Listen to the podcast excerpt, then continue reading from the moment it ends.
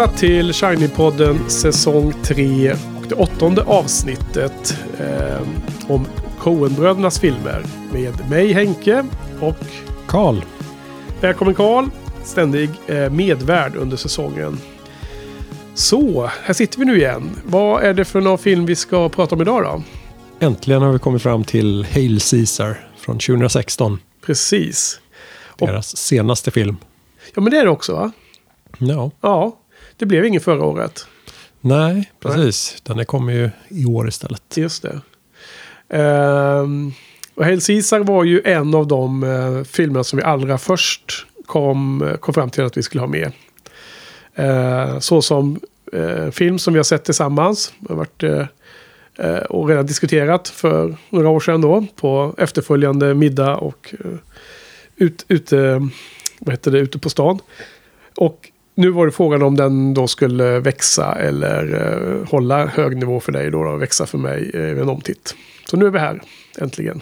Ja, Ja, vad tror du? Tror du att den eh, har vuxit för mig nu då? Om du får eh, försöka titta lite i, framåt här, vad, vad du tror att jag kommer förkunna under kvällen. hmm. det måste jag ju förutsätta.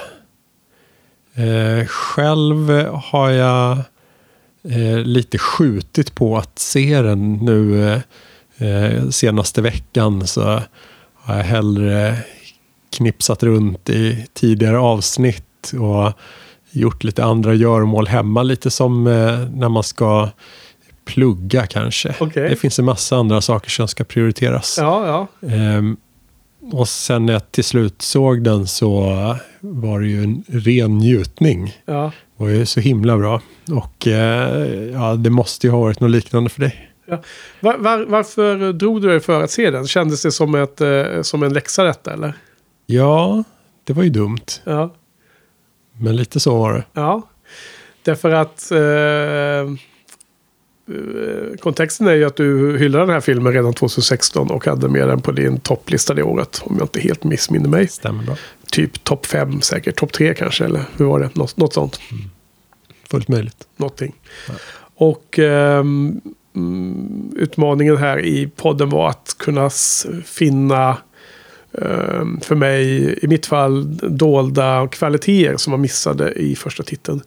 Och ehm, när det gäller Inside Llewyn Davis så lyckades ju inte det riktigt. Det var ju väldigt statiskt. Det var, jag tyckte tämligen identiskt som jag tyckte då. För eh, det var ytterligare några år äldre. Ja, Mm. Ja, så vi får väl återkomma till det senare under, eh, under poddavsnittet. Eh, jag ska inte avslöja nu med en gång faktiskt. Så- För jag tänkte vi skulle börja lite med att eh, tacka för eh, våra kära lyssnare som varit inne och kommenterat på hemsidan flera gånger och på shinypodden.se. Eh, vi har ju några som har varit inne flera gånger och eh, även om vi spelar in det här lite längre före, alltså vi har en viss buffert, så, så har vi nu eh, åtminstone kommit igång med eh, att publicera avsnitten f- från den här säsongen med Coen-bröderna. Och det är ju både Sofia som varit inne, tror jag, varje vecka kommenterat. Väldigt kul. Och även Johan, eh, som vi tidigare eh, poddade med eh, Marvel-filmerna här en tidigare säsong. Som också varit inne eh, och kommenterat. Så eh, nu så gjorde jag bara ett slumpmässigt nedslag här i kommentarerna runt Inside Llewyn Davis. Som kom ut för ett tag sedan som vi nu kan läsa det här när vi sitter och poddar igen. Eh, Sofia kommenterade att du hade eh, förkunnat att du inte gillade Jim Jarmusch. mm. Det var ju lustigt, för jag kommer ihåg att jag blev ganska förvånad också, lite tagen på sängen mitt i poddningen. Och jag, jag hade inte någon riktigt bra eh, uppföljande fråga där kanske, kändes det som. För jag blev så förvånad. Nej, precis. Syna min bluff lite. Jag har ju bara sett två filmer. Ja men precis, du var inne på och, och beskrev det lite här i ett svar här som var, som var mycket trevligt. Men, men det, det var det, det som var delvis bakgrunden eller? ja. Eh, Att det var få filmer. Men, men du kan inte ha, eller du måste väl också inte ha gillat dem du råkar se då eller? ja, lite småtrista. Mm. Men eh, vilka var det du har sett då? Har du koll på det eller? Ehm, Only Lovers Left Alive. Just Gjorde det, han den? det gjorde han ja. Ja. Eh, Vampyrfilmen, Ja, snygg. Ja, men eh, lite överarbetad. Okej, ja. Ehm, den verkade... Han, ja, den var lite coolare än vad de var. ja. Såg vi inte den på filmfestivalen? Mm. I något sammanhang tror jag. Oklart. Ja, okej. Ja. Ehm, ja, vad har man mer sett? Ghost Dog gjorde han den. Eh, ja, The Way of the Samurai. Ja, Den gjorde han också. den har i och för sig skönt eh, soundtrack. Ja, Ja. ja just det. Du är, du är så musikorienterad i filmtittandet. Mm, på gamla dagar. Men, Ja. Ja, båda av det tycker jag är bra. Framförallt den eh, första du nämnde. Det tyckte jag var riktigt skarp. Men eh, är de representativa? Inte 100 procent skulle jag säga. Ja. Och det var de du hade sett bara eller? ja, exakt. Jag borde ju se i alla fall den där eh, Johnny Depp-filmen. Ja, eh, Dead Man. Just det. Du vet, där har ju min husgud Neil Young gjort eh, eh, originalmusik till. Aha. Och släppt på, eh, på LP. Finns också. Eh, så det eh, skulle vara extra kul att höra om du gillar den musiken. Annars så tror jag att en av de som är mycket lättillgängliga är ju Broken Flowers. Skulle jag säga. Ja, Med- Bill Murray. ja, det är ju en eh, person jag har väldigt svårt för. Aha, du gillar inte honom. Okej. Nej, men då, då, får jag åter, då får jag, eh, får jag sluta cirkeln med att eh, återigen hänvisa till Patterson som vi pratade om under, under det poddavsnittet. Som tips. Okej, ja, men det var kul. Och tack Sofia för alla kommentarerna. Jätteroligt. Och sen eh, eh Jojje då. då eh, han jämför lite med eh, filmen Louis, Inside Louin Davis med en Bergman-film som han hade sett som heter Till glädje. Och eh, det, det roliga där är ju, eh, det intressanta är ju att han, eh, han har ett Bergman-projekt eh, på sin blogg. Då, då. Eh, och vi, vi, vi kan länka till hans, eh, hans blogg på våra show notes. Det får vi be klipparna att komma ihåg att göra. Absolut. Och, eh, så han går igenom eh, alla Bergman-filmer. Eh, med specifikt alla som han inte har sett. Och även, tror jag, publicerar gamla texter på filmer han redan har sett. Så att för att fira det här Bergman jubileumsåret va? Är det Bergman 100 år eller något sånt där som är nu? Jajamän, så det är väldigt eh, passande. Ja. Och eh, han är ju vår eh, Bergman-expert. Ja, han, han, han får ju om inte annat bli det nu om han tar sig an att se alla filmer på det sättet. Han eh, räddade oss i ett filmquiz på. Bergman-tema. Ja, precis, då var Johan mycket, mycket aktiv och ehm, annars hade vi varit helt usla den, den gången. Jo. Kommer ihåg det. Ehm, nej, det är ett stort projekt. Alltså jag vet inte fast om jag hade orkat sätta mig ner och se alla Bergman-filmer. Hur, hur, hur ska man se på det där? Är, är du en stor Bergman-fan eller? Eh, mm, ja, det kan man väl kanske påstå. Jaha. Det mesta jag har sett har ju varit bra. Ja, Ehm, fast nu i år så har jag då sett lite fler av de som jag inte hade sett tidigare. ja. Och eh, däribland lite av hans komedier som inte riktigt landar. okej. Så ja, Men det låter som du har sett mycket av honom alltså? nej, inte mycket. Under Nej. tio, Okej. över fem. Mm, ja. Okej. Nej, jag har väl sett fem kanske. Typ så. Persona är väl den bästa man har sett. Ja, Sen, det kan jag eh, hålla med om. Sjunde inseglet är ju härlig. ja, det var så för länge sedan. Jag, jag var så liten när jag såg den. Mm, så den skulle jag vilja se om. Smultronstället. Det är den de åker bil till Skåne. Ja, den är, ju, den är lite rolig. Gillar den scenen när han hälsar på sin gamla mor där på vägen. Den är väldigt eh, heartbreaking. Ja. Den är väldigt, väldigt eh, hård. Ja, nej men så tack för eh, kommentarerna. Ehm, ja, vi går inte in på detaljerna här men eh, jämför de här två filmerna i alla fall lite. Så man kan gå in på Lewin Davis avsnittet och läsa ehm, Sofias och Johans eh, kommentarer och kasta sig in i konversationen via kommentarsfältet. Det uppmuntrar vi. Ja, så stort tack till er då. Ancient Rome. Twelve years into the rule of Tiberius, ruler Maximus, Rome's legions are masters of the world. The stomp of its sandals heard from the Iberian Peninsula in the west through the halls of the great library of Alexandria in the east. As oppressed people everywhere writhe under the Roman lash, freeman and vassal are united in one compulsory worship. Eh, dagens film då, åter till det. Eh, vilken ände ska vi börja?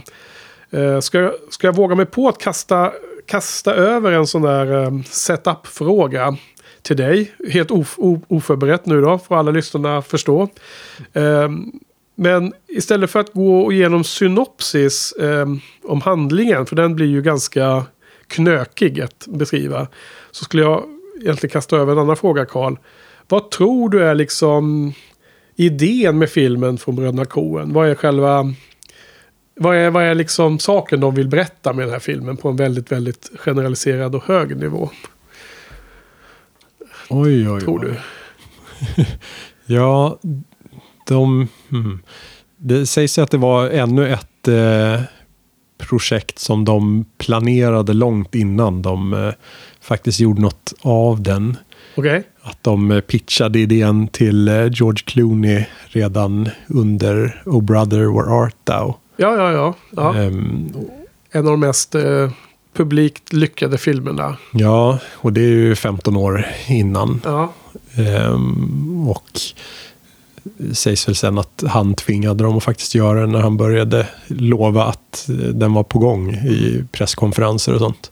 Så, Jaha, du menar så att George Clooney på något sätt ja, målade provocerade in fram. sig i ett hörn? Att, Han målade in bröderna i ett hörn ja, genom ja. att säga att de höll på att göra den och så blev det press på dem att faktiskt göra det. Ehm, men då, ja, de eh, ville väl framförallt göra någon sorts eh, kanske hyllning av gamla Hollywood. ja.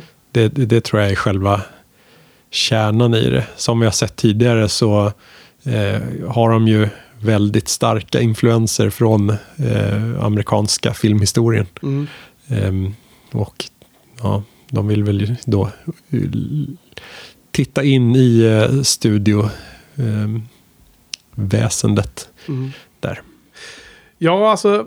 För vad jag ute var ute efter var ju just hur, hur lät den där pitchen som de typiskt säger till George Clooney under en lunch. Liksom, på när de har någon kort tid på sig. Liksom. Eh, de har inget färdigt manus, de har inte några färdiga eh, scenerna eller hur filmen skulle flöda. Utan det är någon, finns ju någon high level pitch där. Och skulle vara en hyllning till gamla Hollywood och en blandning av eh, den, den eh, gamla tidens stor, eh, eller olika filmer, genrer som fanns då. Ja, det som ändå förvirrar lite också när man eh, läser lite slarvigt på bakgrunden till den så ha, hade de från början tänkt att den skulle utspelas långt tidigare. Eh, kanske 20-30-tal någonstans. Jaha, och, och när utspelas den nu då? Eh, 51. 51? Okej. Och då kan de ju inte ha haft hela den här kommunisthistorien i bakgrunden. Eh, vilket ger, då blir det en helt annan film. Ja. Det är en stor del av handlingen. Att, ja. Tycker du det? Ehm, hmm. Jag tycker det är en jätteliten del av handlingen. Fast det är en stor del av det roliga i filmen. Men det är en liten del av handlingen. Ja. Ehm, ja, det kanske är så. Det, ja, vad tycker du är det stora i handlingen förresten? Alltså, jag vet inte hur pitchen lät, men nu när man ser om filmen så tycker jag att det som utkristalliserar sig är att filmen handlar om ett drygt dygn bara. Det handlar om exakt den tidpunkten när eh, huvudpersonen, vad nu heter, oh, jag har glömt de här namnen hela tiden, men vad heter han? Eh, Jo- Eddie George- Mannix. Ed- Eddie Mannix spelas av Josh Brolin, eller? Ja. Ja, precis. Eddie Mannix beslutsångest över erbjudandet av ett nytt jobb. Som är en, ett val mellan den här gamla Hollywood-fabriken och det moderna och hemska och atombomben. I slutändan. Ja. Eh, På Lockheed eller vad, vilka det nu var. ja. Och det känner jag plötsligt är själva hela filmens handling. Och de har ju tagit den, den här lilla, lilla perioden och sen fyllt den med de här eh, roliga och absurda och tragikomiska eh, sakerna som sker i hans vardagliga liv. Som är det som man ska välja om man ska stanna i eller lämna. Och där råkar det här med kommunistiska eh, writers vara en liten del av exemplifieringen av vad han har att kämpa med i sitt gamla jobb. Då. Ja, Vad jag på det? ehm, det kanske helt kunde eh, försvinna och ändå vara samma. För eh, en, alltså, hans eh, val mellan eh, sina arbetsgivare Ja, ehm, är ju också, alltså det dras ju paralleller till att det är en, eh, någon sorts religiös eh, eh, aspekter. Ja. resa. Och det knyter ju an till eh, då själva den mastodontfilmen som de gör, Hail Caesar då, Ja. med eh, en romare som imponeras av, av Jesus. Och eh, det i sin tur knyts ju till då den här eh, kampen mellan eh, kommunismen och eh, den kalla kapitalismen.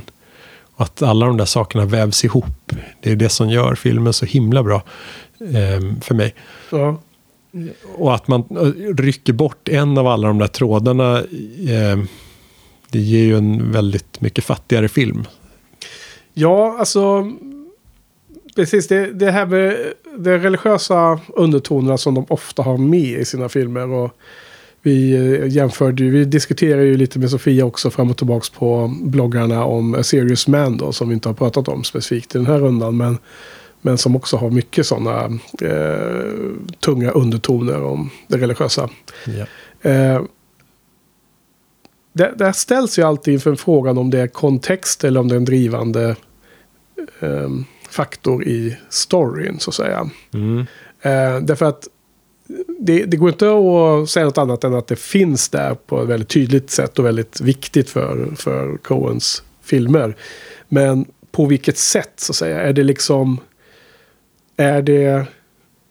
Det är bara myllan som allting växer ur eller är det trädet som man specifikt... Eh, som har vuxit upp och som man specifikt studerar i den här, i den här eh, filmen då. Om man nu försöker beskriva det bildligt. Jag, jag, jag kan inte riktigt skilja på de två där. Så jag, jag, jag, jag vet inte. Jag, jag tycker att den här filmen... jag kan ju eh, komma runt och säga till att börja med att den har ju vuxit bra mycket i den här om, omtittningen. Det är ju, den uh, håller som otroligt mycket bättre eh, än den trea, tre och en halv som jag gav den då förut. Så jag tycker den är ju superskön film. Eh, jag tycker den, den knappt har någon handling eh, alls. Eftersom det är det här. Eh, det kokar ner till no någonting som är djupt och viktigt för personerna i fråga inblandade och väldigt betänkansvärt och väldigt, väldigt djupt. Men eh, som linjär handling så är det inte speciellt mycket. Och, och, på ett sätt så tycker jag att han, man kan lika gärna se det som att han har ett antal problem. Eh, han säger ju det också, att han har ett svårt jobb. Han, han frågar ju den katolska i, i bikten eh, till prästen. Han säger, ska man ta ett enkelt val eller det svåra valet? För att det jag gör nu, menar han då, är väldigt svårt. Ja. Och, och det är eh, alla dessa olika turerna. Han har ju någon som hon, Scarlett Johanssons karaktär blir med barn och inte gift. Han har den, det börjar ju med den här eh, skådespelerskan som är med i sån här, vad är det, fra, franska vykort som de tydligen kallades. Mm. Ska han fixa med den krisen. Sen har han regissör som är arg på att han har fått en usel skådespelare i sin film. Sen ska han hantera kidnappad eh, stjärna som råkar hamnat hos kommunisterna. Och så vidare och så vidare. Ja. I, I någon mening känns det som att de är utbytbara. Men, det känns som att du har hittat en helt annan röd tråd där som knöt ihop det här. Ja, jag håller ju med om att det inte är en tydlig handling rakt igenom. Utan det känns mer just som att den vävs ihop mer och mer. Ja, Ehm, så just det där med vad, vad som är eh, själva handlingen och vad som är mening mer än eh, väldigt svårt att eh, särskilja. Ja, Att det eh, känns onödigt att försöka bryta ner och separera de olika sakerna. Utan det blir bara mer och mer så vävs det tajtare ihop alla de här Ja. bitarna. So, Eddie Mannix. So you hip outside? Got a call. Loud, disorderly, possible French postcard situation. Well, someone was pulling your leg. Mary Jo here was just at a costume party. It's not really her dirndl. She wants to contribute something to your pension fund. Sorry to drag you out in the rain. Oh, say, no problem at all. Eh, aren't you Gloria Delamore? No, no, I'm Mary Jo. Something. eh, må vara onödigt, men jag är ihärdig här nu då. Så jag fortsätter. Jag menar, om de för 15 år tidigare eh, pitchar det här för George Clooney. Pitchar den genom att säga att det finns en, eh, en sån där problemlösare på det stora filmbolaget som blir involverad och påverkad av en religiös film och hans egen religi alltså religiösa övertygelse och kommunisterna och så vidare. Eller är pitchen att de säger finns en, en eh, problemlösare på filmbolaget som man genom att han ska lösa massa olika problem så kan vi besöka alla olika sköna gamla genrer som fanns på 30, 40 och 50-talen i Hollywood. Ja, det tror jag mer är eh, själva grundstommen i det. Ja. Ehm, för För, för det är ju det, se, det, det kanske har blivit båda, men det har ju också blivit det senare framför allt. Alltså det, det, det finns ju där verkligen. De, de har alla de här genrerna som de får göra härliga scener av. Ja, visst. Eh, och det, ja, jag kan absolut tänka mig att det är det som är grundvisionen. Men att då med tidens gång så har resten utvecklats mer. Just alltså, om man ser till eh, filmerna som de har gjort. Ja. Så eh, Ja, I si- sina riktiga filmer, i filmografin menar du? ja, exakt. Ja, ja. Alltså att efter eh, No Country for Old Men Ja. framåt så har de hittat en helt ny nivå känns det som. ja, just det. Är mycket mer avancerad och tajtare. Ja, precis. Och det är lite lustigt det här att i den här poddsäsongen att vi har besökt en hel del av de tidiga filmerna och några av dem som kanske inte var de starkaste korten. Vilket gjorde att ett tag började jag ju nästan bli lite tveksam om de var så himla bra som man hade fått för sig. Men jag tror att det är för att vi har, vi har liksom valt bort de som känns trygga och säkra att de är bra Ja. till stor del. Och att eh, det är flera av de titlarna av de återstående åtta eller nio eller vad det nu är som är kvar. Eh, som skulle ha varit eh, mycket högre nivå. Ehm, Ja, precis. Vi har ju sett eh, ja, väldigt mycket från första halvan av det. Det är bara Racing Arizona som vi hoppar över egentligen. just det. Och annars har vi sett f- fem av de sex första.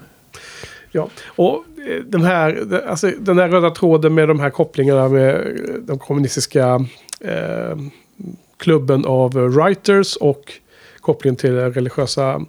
Alltså det är ju det är otroligt eh, ironi, roligt och ofta ganska ironiskt över ja, men hur de här kommunisterna är jättefokuserade på pengarna hela tiden. Och hur de ojar sig när pengarna försvinner ner i böljan den blå och sådär. Och det är lika ironiskt mot den här religiösa övertygelsen som Hail Caesar-filmen då ska visa. Eh, och det här fantastiskt fina talet som George Clooneys karaktär håller. Och hur, liksom, alla studiomännen och så blir helt tårögda. Och sen så glömmer han sista ordet då som är ordet faith. För att han har liksom, han bara är en bra skådespelare. Han, han tänker inte överhuvudtaget på vad karaktären sa i scenen, känns det som. Att de vill få fram.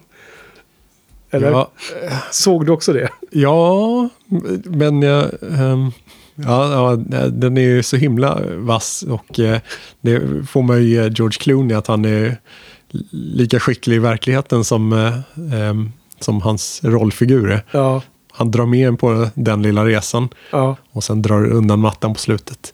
Himla snyggt. Men eh, det finns ju ändå, ja, på, på något plan så har han ju eh, övertygats. Ehm, Mannix.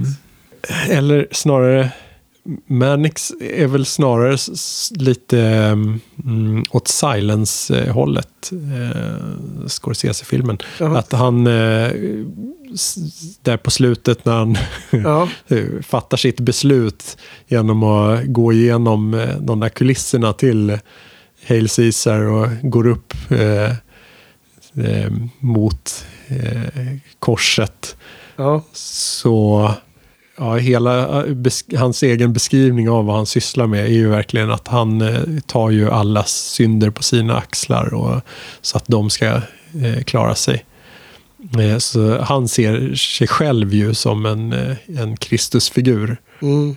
Ehm, inom, inom, inom det lilla, alltså den värld han lever i som är då filmbolagets ja, eh, världen och att han ser, ser, ser till att allting tas hand om på rätt sätt. ja, samtidigt som han då är en eh, något hårdför Jo, för att hålla alltså, ordning på dem.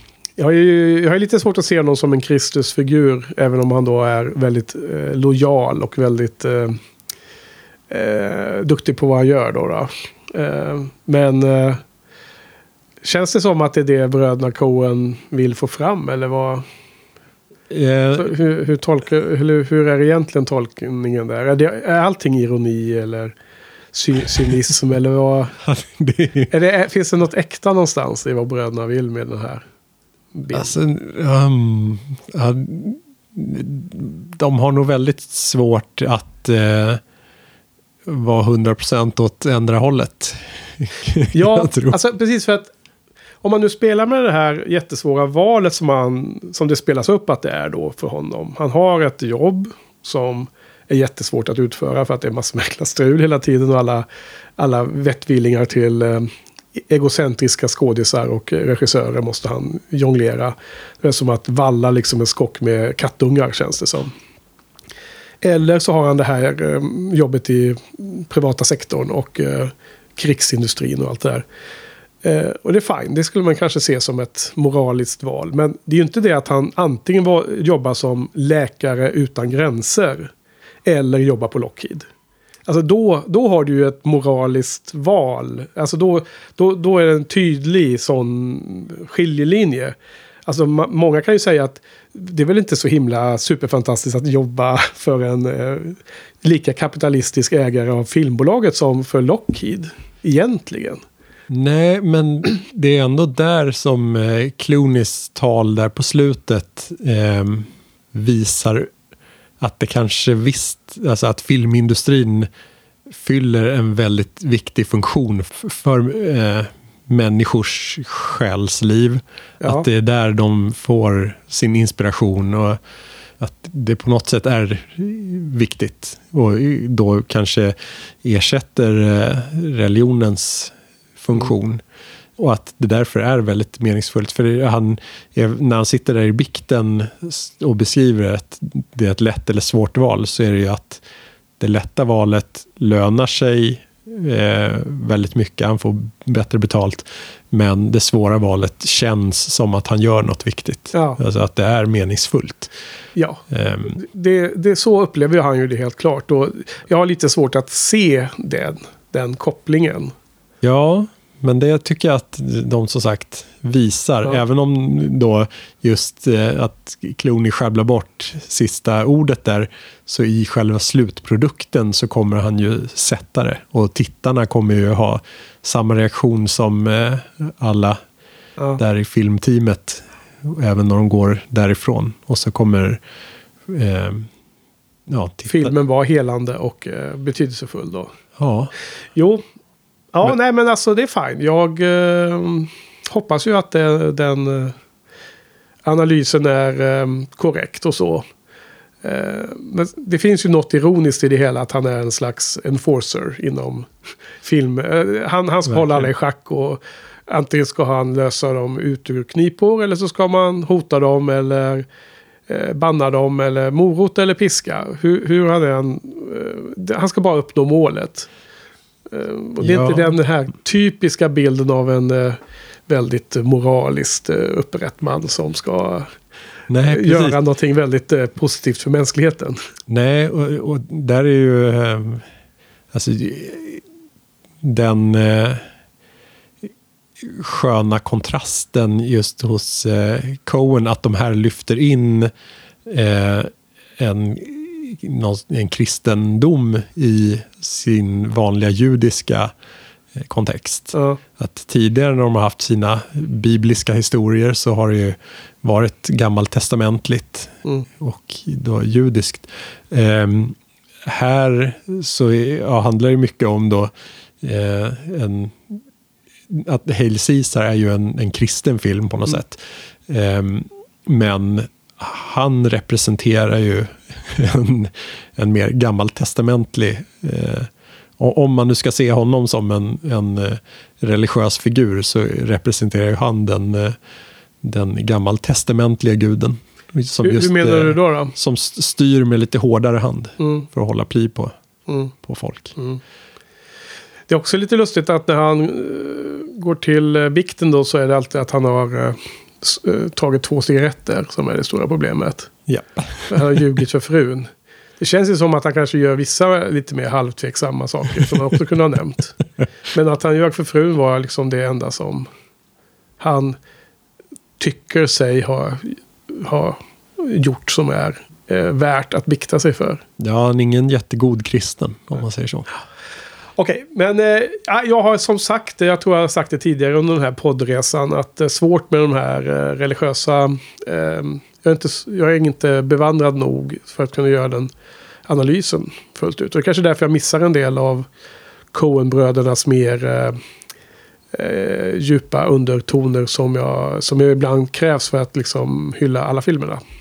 Ja, så kan det vara. Men en eh, väldigt lustig ehm, detalj här om man jämför med eh, Barton Fink. Mm. Som ju också utspelar sig på eh, Capitol Pictures. Just det, det har vi kopplingen till s- första och sista Ja, filmen i, i, i, i resan här som vi valde då på det här sättet. Bara för det. Ja, och det är ju helt underbart hur den här är ju eh, Eddie Mannix en representant för någon sorts eh, gudomlig figur borta i New York som styr Capitol Pictures och gör eh, fina eh, filmer som, alltså det han representerar någon sorts god sida medan då i Barton Fink så är ju Lipnick snarare Satan själv. Jo, Så det stackars så, ja. Barton Fink är en Faust-figur. ja. Ehm, rolig kontrast där på tio år. ja. Uh, hette han, ja. Han var ju den roligaste, en av de roligaste inslagen i, i Barton Fink och, och en av de här många bra birollerna tyckte jag i den filmen. Jag tycker att han, han passar ju in väldigt väl i Hail Caesar-feelingen. De scenerna som är i solen och på hans eh, stora eh, palats till hem liksom. Och hans swimmingpool och allting. Det hade ju passat in som, som liksom passat väl in i, Bart, eller så i den här filmen. Medan tycker att Barton Finks eh, klaustrofobiska, ångestfyllda tillvaro på det här hotellet känns liksom som en an, helt annan film än vad Hail Caesar var. Ja, Kan du hålla med om? håller helt med. Ja. Alltså det finns något, någon liten brygga där i, i de här eh, cheferna på Capitol som kanske ändå har funnits i samma universum om man säger så. Ja, det är snyggt. Jag hade väntat mig lite fler eh, direkta blinkningar mellan, Ja. eller tillbaka i alla fall. Det är ändå bara tio år mellan dem, eh, alltså i den världen. I deras eh, tid, ja. I Ja. universats tid. För att Barton Fink utspelas på 40-talet, eller? Ja, precis, 41. Ja, okej, tio år, ja. Eh, Den enda direkta blinkningen jag noterade var väl att de hänvisade till att de skulle ha något möte i Wallace Beery Conference Room. Okej, och det namnet var, var vem då? Eh, brottaren som han skulle göra film om. Jaha, okej. Ja, det var ju långsökt. Ja, Det får man vara ganska väl insatt. men också den enda. Ja, därför att det hade ju varit kul om de hade liksom bara refererat till den där, eh, den där eh, manusförfattaren som eh, visade sig vara en mördare och sådana saker. Ja. hade de kunnat sagt. Och så hade man liksom fått en, en, en liten rolig fortsättning på vad som... Det, det är som tämligen öppna slutet på Barton Fink. Ja, och det säger ju någonting om eh, hur Cohen skriver sina saker. För det hade ju varit enkla eh, poänger Ja. att göra som alla andra skulle göra Ja, känns det ja. som. Det är ju konstigt att inte skriva in det. Alltså, jag satt faktiskt och funderade lite på om den här stranden och de där stenarna som var ute i vattnet, om det på något sätt var, hade någon koppling till den där stranden som Barton Fink var på i slutet. Ja, det är ju definitivt eh, rent visuellt eh, en kopia fast här var det två klipper istället för en. Ja, och jag tror att klippan i Barton Fink var närmare, så att jag undrade alltså om det var typ en annan del av samma strand där man skulle tycka att det fanns klippor ut i vattnet där och att nu har de hittat två klippor som de använder som eh, heter det, riktmärke för att ja, möta eh, ryska ubåten, sovjetiska ubåten. Well, now this is interesting. I thought I was getting an exclusive on this. I'd like to know what the hell is going on here. Uh, well, like I said, we, we just saw Lazy Old Moon, and, And, uh, and, and Hobby and I are fixing to be friendly. What? We're just Friends, my foot. Ja, men eh, som sagt, jag tyckte den var helt stört skön. Eh, jag hade ju helt kastat eh, oket, förväntningsoket av att få se en eh, solid och eh, intensiv handling. Det hade jag ju liksom insett att det var bara att glömma det. Och då kunde man bara ta in alla de här olika otroligt härliga scenerna och karaktärerna. Ja, som som no, nästan som en episodisk film. Som jag normalt sett i och för sig inte brukar gilla. Men det hålls ihop då med Eddie Mannix och hans, eh, hans liksom vakande hand över alla. Ja, I någon mening. ja det är en eh, extrem eh, skaparglädje i, Ja, i de scenerna. Ja. Ja. Och jag tänkte på en annan rolig grej var ju att... Eh, om du kommer ihåg den här Tarantino Rodriguez, den här Grindhouse. Just det. Där de, de gjorde varsin film och så var det en dubbelticket precis som det var på sån här B-film på 70-talet eller vad det nu är de har för någon referens. Och så gjorde de alla de här reklamfilmerna för icke-existerande sådana här action, B-films action movies då. Eh, och de blev ju så populära att flera av dem har väl filmats nu i efterhand va? Den här Machete är väl en av dem. Som finns i två versioner, eh, två, två, en uppföljare också. Och, och det är lite samma sak här tycker jag. Att eh, man ser de här filmerna. Och man skulle nästan vilja se flera av dem. Eh, vi har ju den här western med Lazy O- Old Moon. Heter den tydligen. Som jag såg i, i eftertexterna. Sen har vi den här No Dames-filmen. Ja, Med sjömännen som dansar på baren. ja, den har man ju nästan sett. Jo, men det är ju en hel film tydligen. Ja, Homoerotiska undertoner, eller övertoner. ja men där med, har man väl sett med Gene Kelly som sjöman. Jaha, du menar, jaha, du menar så? Att man har redan sett. Ja, det, vilken film är det då?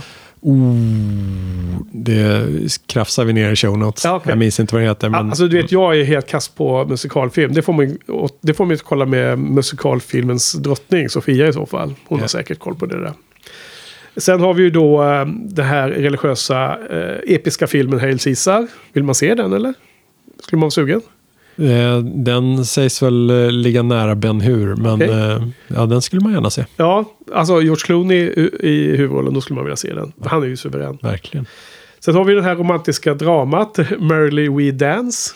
Med, Ja. med han som inte kan säga vad jag försöker säga nu. då. Twere so simple eller vad det är. Stackars Dog. were, ja. Ja, den skulle man gärna se. ja. Det är ju en drama va? Lite mer. Det är ingen eh, musikal som jag förstår. Nej, precis. En, en melodram. Och sen är det on, onämnd, eh, den, den filmen som inte har fått något namn i eftertexterna som är Scarlett Johanssons film när hon är i någon eh, vattendansfilm eh, där hon spelar en, vad heter det, mermaid, Just det. sjöjungfru. Den, den är inte ens namngiven så då får vi hitta på något eget namn för. Ja, men eh, även där eh, ligger den väl nära. Jag har ju inte sett något med Esther Williams, men eh, det ska väl vara åt det hållet. Ja, inte jag heller. Jag är mycket svag på Es- Esther Williams filmer. In the water we, we dance, eller Kiss, eller vad kan det ha hetat. Ja, ehm, nej men håller du med? Skulle du också vilja få det en... Eh, lite eh, nyfiken blir man ju. ja, ja. Men eh, ja, jag vet inte. Lazy Old Moon ser inte jättebra ut. Nej, det är så lustigt där för att eh, min favorit-western alla kategorier är ju Rio Bravo. Och där har du ju en sån scen med en kille som, de spelar ju en låt i den.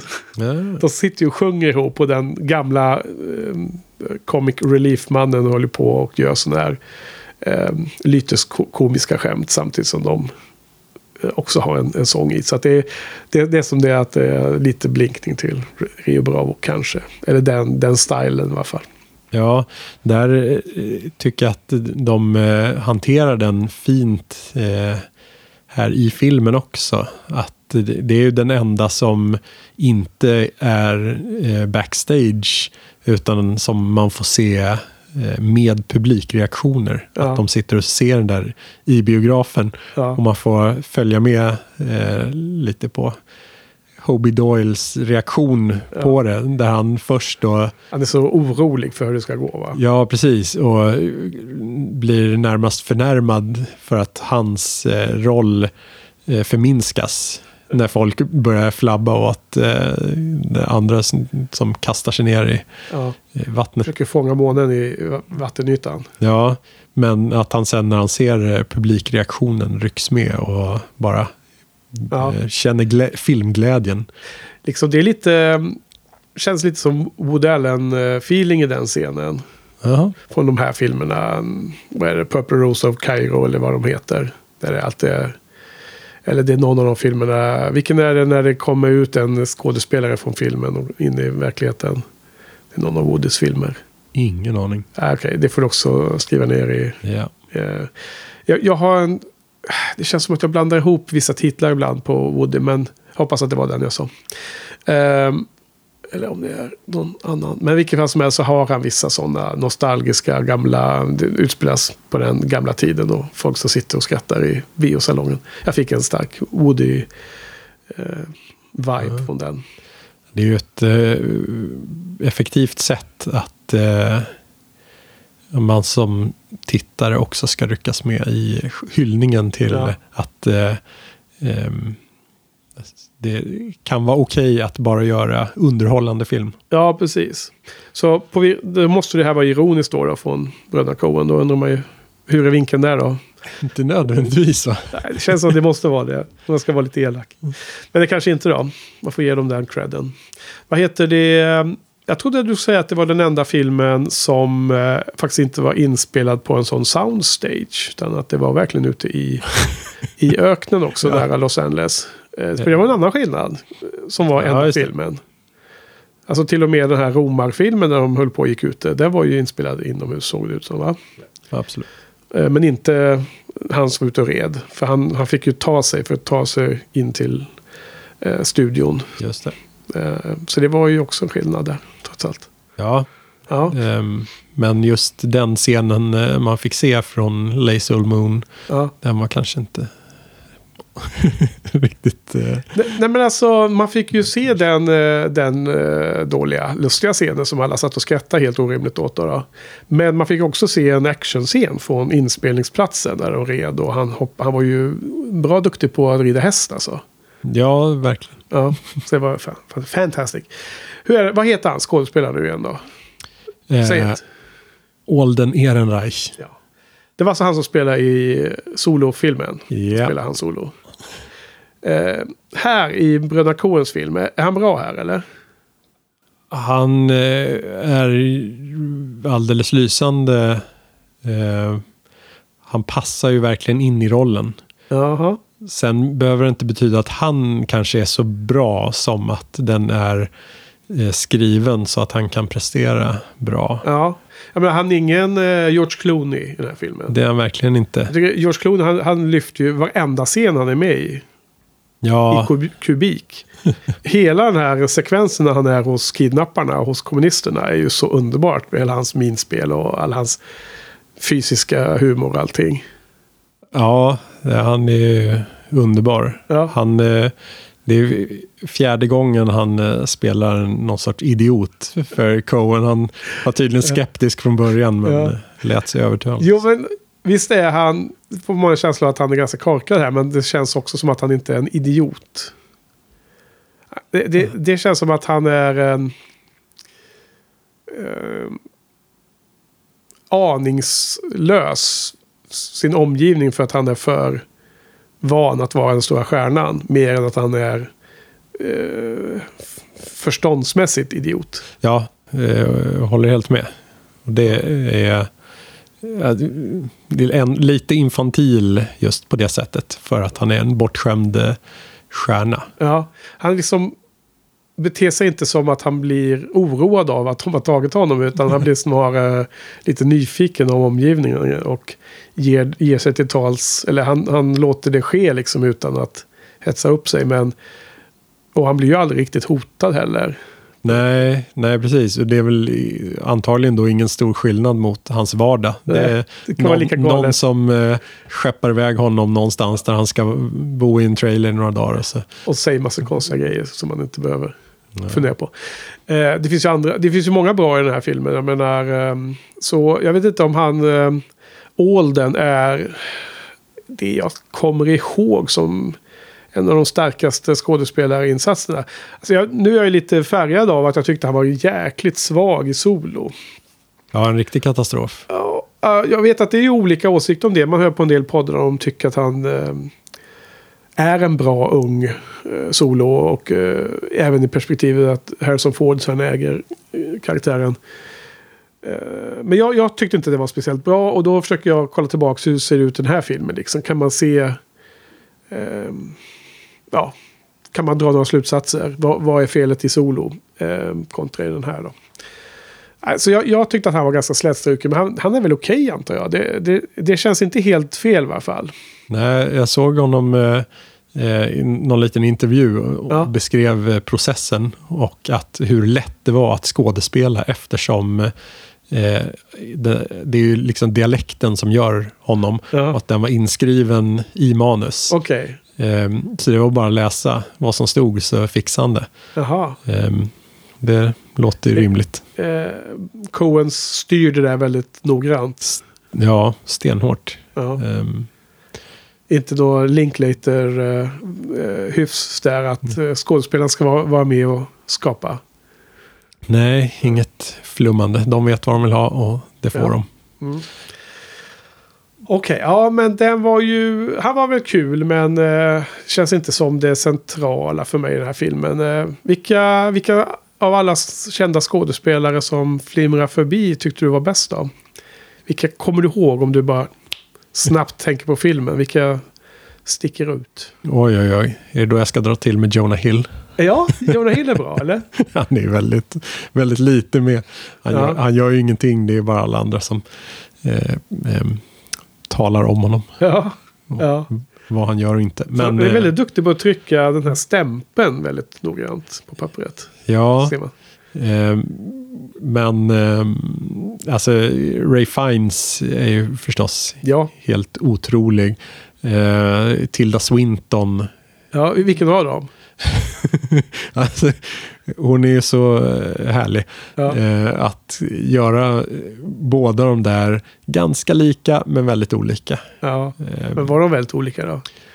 ja, Liksom, såg du det på riktigt eller inser du det intellektuellt att det var fantastiskt bra gjort för att det var nästan lika? Eller var det verkligen en äkta känsla?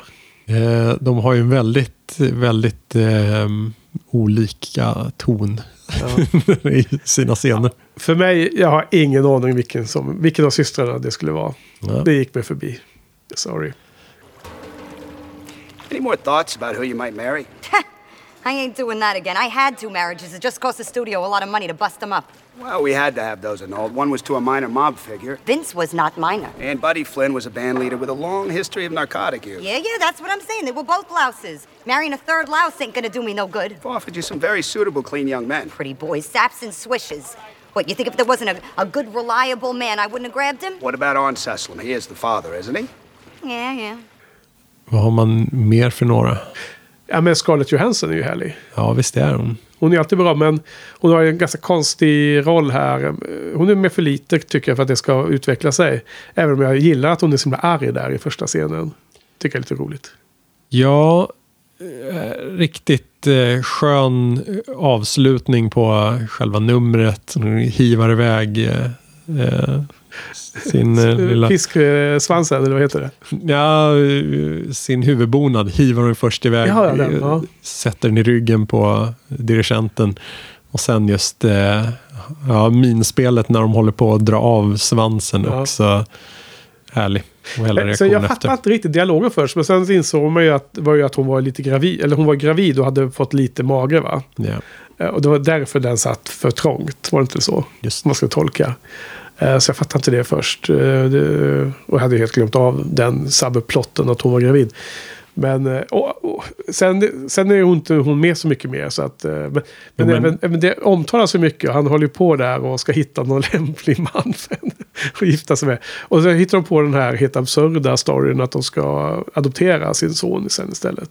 Ja, men eh, i den scenen med Jonah Hill är ju hon eh, också vass. Ja, är ju skön.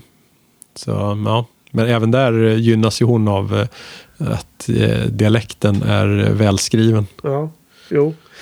Hon är bra. Vem har vi mer då? Vad, vad, vad tycker du om huvudrollsinnehavaren då? Josh Brolin då? Han var ju med lite mer här än, än i ehm, True Grit i varje fall. Ehm, Ja, verkligen. Han... Eh, ja, härlig eh, kontrast eh, mot alla andra sköna biroller. Eh, han är ju verkligen eh, bara stenhård och trycker sig igenom allt. Han passar Ja. ju väldigt, väldigt bra i den där rollen. Som en... Lite, alltså, i, början så är det lite noir-känsla. ja, verkligen. Första scenen där är ju nästan som tagen av någon av de här noir-filmerna som är mest känd va? Ja, Är lite det, är det big- The Big Sleep eller? Ja, det... Mm. Exakt. Ehm, och det passar han ju bra som. Jo. Jag tycker ändå att han blir ganska anonym i någon mening. Han, han är the straight man när alla andra är curveballs. Eller vad, man nu ska uttrycka, uttrycka det. Alla andra är som goofy. Ja. Och det är väl det han ska vara förstås. För att det är ju, de gör väl exakta karaktärer, bröderna. De får precis som de vill ha. Ah, Jag vet inte om det är... Nej, jag tycker inte att han är eh, så central för eh, filmens värde.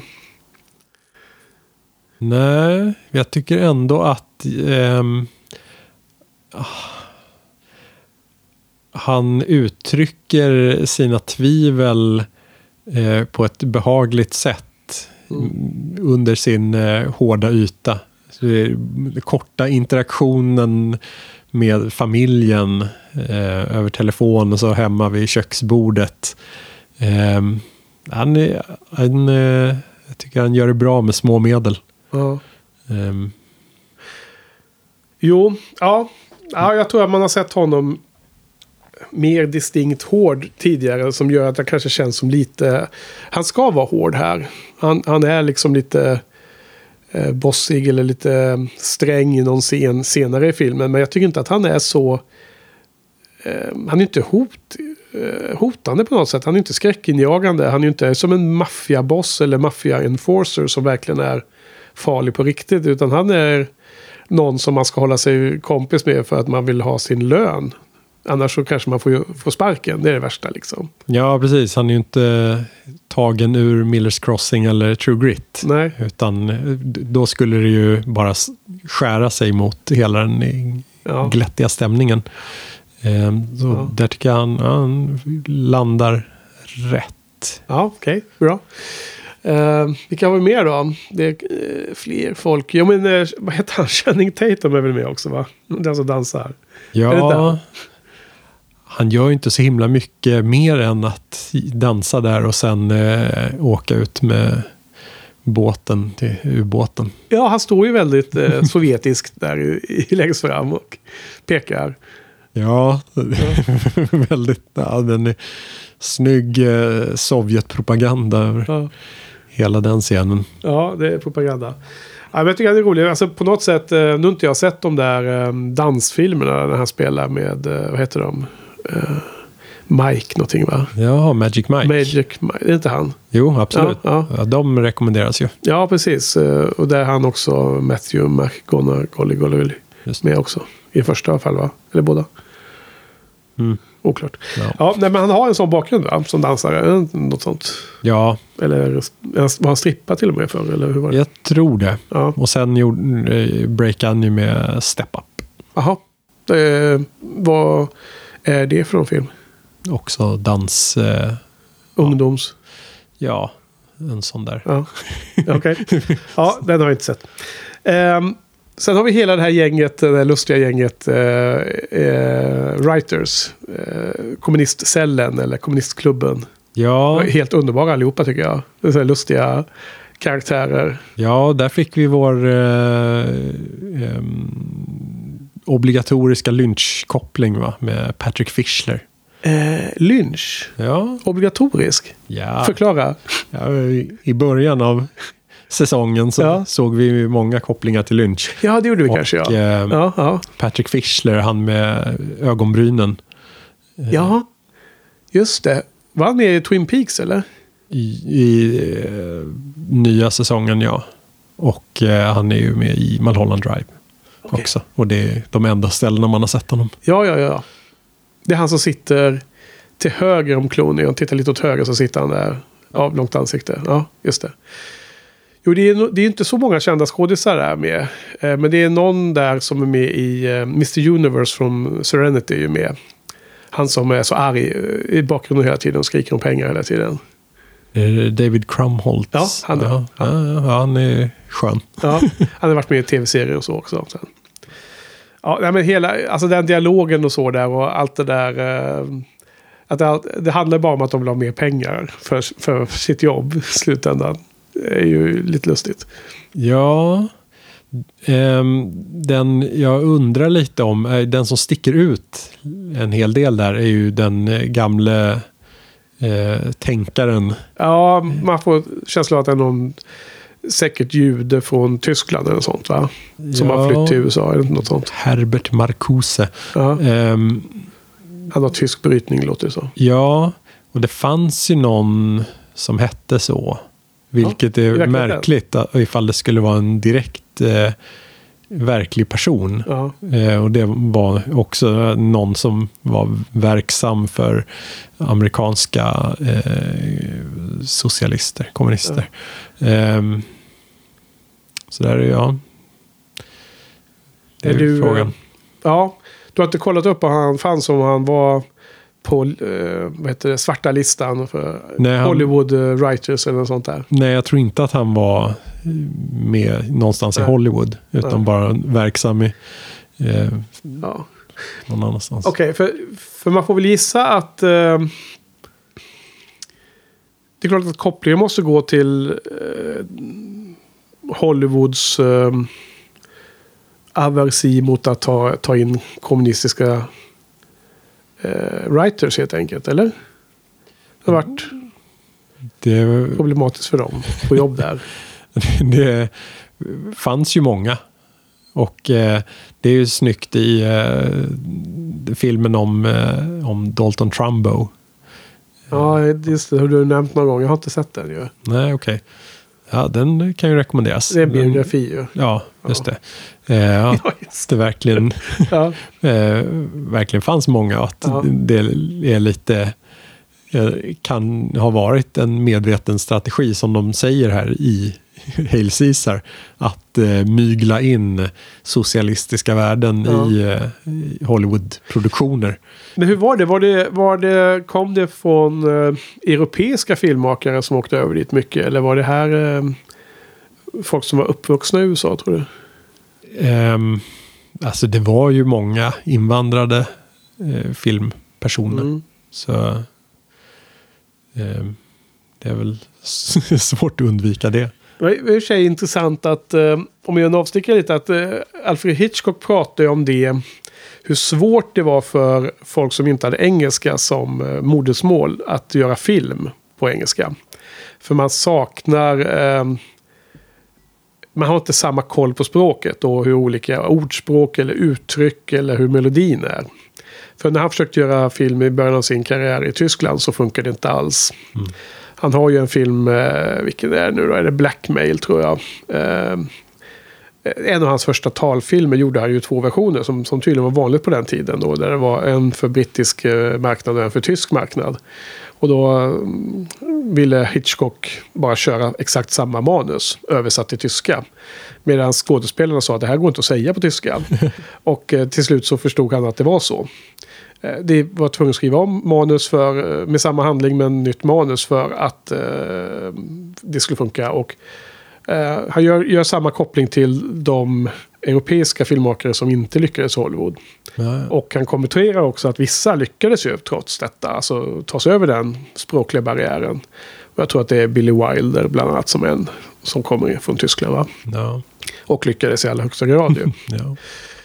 Så var det en sån utveckling. Men, eh, men annars är det ju den här, eh, vad heter det, McCarthy-tiden och eran där de jagar kommunister i USA och eh, går lite överstyr med hela den där biten. Och där var det väl bittra tider för eh, eh, vänsterorienterade ja, verkligen. i branschen och eh, ja, andra ställen också då. Ja, verkligen. Det, det får folk läsa på själv. För, eh, dels har inte jag några detaljer, dels så är det för tråkigt att prata om. Ja, Det, eller vill du Det- utveckla detta? nej, det är kanske för stort. Ja. Ehm, Men eh, ifall eh, deras tanke var att eh, hela det här skulle utspela sig tidigare skulle man eh, kunna tänka sig den där Herbert Marcuse som eh, något av en eh, snarare Dr. Mabuse-figur. Mhm, Som en eh, mästarmanipulatör och Ja. eh, En evil villain. ja, Ja, precis. Exakt, som, för det, det är verkligen han som eh, verkar vara tänkaren i det där gänget. Ja. Och eh, bara plocka med sig alla andra som är lite små Men, men, ja, hur tolkar du att deras teorier är helt eh, wacko och inte make sense överhuvudtaget? Är det också någon ironi över det eller? Ehm, ja, ehm, jag vet inte om de är så ute och cyklar. Ja, det, ja, jag tyckte det kändes så när jag hörde deras snack. Men det är möjligt att det... Det är väl lite... Eh, det lever väl kvar lite, alltså generella missnöjet eh, att de som skriver eh, manus inte får tillräckligt stor del av kakan. Ja, det, men det var ju det lilla i allt vad de han säger i de där scenerna. Jag tyckte att det var väldigt mycket som var otroligt, eh, hur man uttrycker sig på svenska, mm, snirk, sn- ett, ett konstigt resonemang som inte ledde någonstans. Som var eh, både cirkel och dubbelcirkel eh, resonemang liksom. Det var eh, mycket, mycket grumligt allting. Sen, sen så kokar det ner till att de vill ha mer, mer lön. Precis som alla vill. Yeah. Ungefär. Och det var ju lite det, eh, tyckte jag, punchlinen i den eh, scenen som, som var ganska oväsentlig. För det var ju det roliga skådespeleriet, de roliga karaktärerna, de roliga eh, uttrycken och hur de, någon skre, var arg och skrek hela tiden i bakgrunden och någon försökte hela tiden eh, sammanfatta och formulera om. Och någon satt och var en tänkare och någon, tre, någon ytterligare person satt bara och såg mystisk ut. Så att det var så hela det här galleriet av folk som George Clooney fick spela mot som jag tyckte var kul med scenen. In, inte direkt vad de sa eller tänkte. Ja, samtidigt som då de eh, väver in sina värderingar i filmmanus. Eh, Coens nu. Nej, de här kommunisterna. Ja, kommunisterna menar du nu? Ja, jag bara Ja. undrar vilka de var. Ja, Svårt att hänga med ibland. Sorry. Ehm, att deras eh, värderingar då tas emot som eh, eh, väldigt inspirerande och eh, går väl ihop med de här kristna filmerna. Lite samma Var det en, var det en slutsats? Nej, inte här. Det är generellt i, i historien. Ja. Att det har varit så. Att deras grundvärderingar är kanske sundare än de som filmbossarna egentligen representerar. Den kallhamrade Ja. kapitalismen som eh, producerar filmerna. ja, precis. Men det, ja, det finns ingen motstridighet i det egentligen. Att, att man behöver skapa en kommunistcell. Och eh, skänka pengarna till Sovjetunionen. Nej, inte nödvändigtvis, men det är ändå en eh, lustig kontrast och just eh, att det fanns sånt stort eh, kommunisthat men ändå så uppskattar man eh, värderingarna på ett eh, teoretiskt plan när de presenteras som eh, eh drömmar och fantasier. Ja, men allting är ju en eh, relativ skala. Och det beror ju på hur, var någonstans man håller på och duttar på den liksom. När det gäller politik. Och vad det är för någon kontext och vad det är för något alternativ och så vidare. Men eh, det är också en stor fråga. Som vi närmar oss här otvunget mitt i valrörelse och allt. Ja, precis. Ja. Detta avsnitt kommer ut eh, dagen efter valet. Jaha, Passande. är det så där? När folk trodde att de äntligen skulle slippa Ja. Slippa eh, Valet. poli- politik. Ja, ja, precis. valet. Ja, precis. Så dagen efter, Vänster, höger, då ska vi komma och prata om Hail Caesar. Ja. Now, until quite recently, our study group had a narrow focus. We concentrated on getting communist content into motion pictures, always in a sub rosa way, of course, and we were pretty darn successful. You remember in Kerner's Corner? The town hall scene where the aldermen overturn the rotten election and make Gus the mayor. Yeah. Well, I like to think we've changed a few minds. But then, well, then Dr. Marcuse came down from Stanford, joined the study group, and started teaching us about direct action. Praxis. Action. Ja, det var ju spännande. Så igår har... eh, Det här ska släppas 10... Vad är det? Ni, vilket datum är det val? Nionde. Nionde. Så det här är 10 september. Ja. Ja, okej. Coolt. Då får vi se hur det har gått då. då. Där, eh, eh, det kan finnas en eh, röd tråd i våra, vår uppskattning av eh, Coen-figurer. Ja. Ehm, du är ju väldigt mycket mer förtjust i eh, Tom Reagan och eh, Rooster Cogburn än Ja. vad jag är Okej, ja. som personer. Jag är ju mycket mer förtjust i Barton Fink och Lewin Davis än vad du är. Ja, Jag tror att det kan finnas en liten höger-vänster-skillnad på de här. tror du det? Ja, att det är så pass eh, simpelt allting. Mm, kanske, det kan vara en del av eh, mer komplicerad väv. Ja. Nej, men det, är- det, det är en eh, spaning som tål tänkas på, absolut. Men jag tror egentligen att är det inte ändå personlighetsdrag som är så otroligt mycket djupare än, än ganska i ärlighetens mening ganska simpel politisk skala höger-vänster som är typ endimensionell skala. Ja, Tror du inte det? ehm, det var en avancerad fråga. Ja. ja, men det var en avancerad eh, frågeställning du kastade också, eh, började med. Eh, om det är så enkelt. Mm. Ja. Ja, men det, det, det, tål vi, det får vi tåla, det får vi fundera på. Det kanske vi inte kan lösa här. Till nästa val. Ja, precis. Eh, folk får väl eh, skriva in i kommentarsfälten om deras eh, analyser av oss och våra, hur våra eh, sympatier i Coenbrödernas filmer kan avslöja hemlisar av oss. Om man säger så. Ja, ha, okej. Hur tar vi det här tillbaka till filmen då? eh, jo, men du, du sa att det kunde vara Dr. Mabuse och som Evil Villain. Ja, Då kommer jag helt osökt att tänka på Moonraker. oj. Därför att eh, The Evil Villain i Moonraker är ju en av de bästa Bond-skurkarna. Hugo Drax. Hugo Drax. Som är så himla förtjust i sina cucumber sandwiches. Jaha. Så han vill ju, han vill ju servera cucumber sandwiches till eh, Bond när de möts första gången. Det var obskyr trivia. Ja. Ja, det kommer vi ihåg. Uppskattas. Och här i, eh, i den här roliga scenen när eh, George Clooney har vaknat till liv eh, och träffar eh, kommunisterna så vill de ju eh, mata honom med cucumber sandwiches med avskurna kanter. Ja, de har någon afternoon tea-variant Ja, var ju så härligt för att när jag såg filmen så blev jag lite små sugen och eh, gick då genast inspirerad av filmen ut och gjorde eh, smörgåsar med eh, gurka på. Och skickade över en bild till dig. Så du, lite oklart vad, vad budskapet var tror jag att du tyckte. Det, var, det var före du hade sett om filmen va? Ja, Mm. strålande. Med allting föll på plats, platsen. Eh, andra lite trivia saker då. Vad, eh, såg du de eh, klockrena kopplingarna till den gamla klassiska filmen eh, Highlander i den här filmen då? Oj. Eh, Christopher Lambert. Ja men precis, det var ju ändå han som spelade den här svenska regissören. Ja. Arne. Ja. Det var också helt random. Mycket.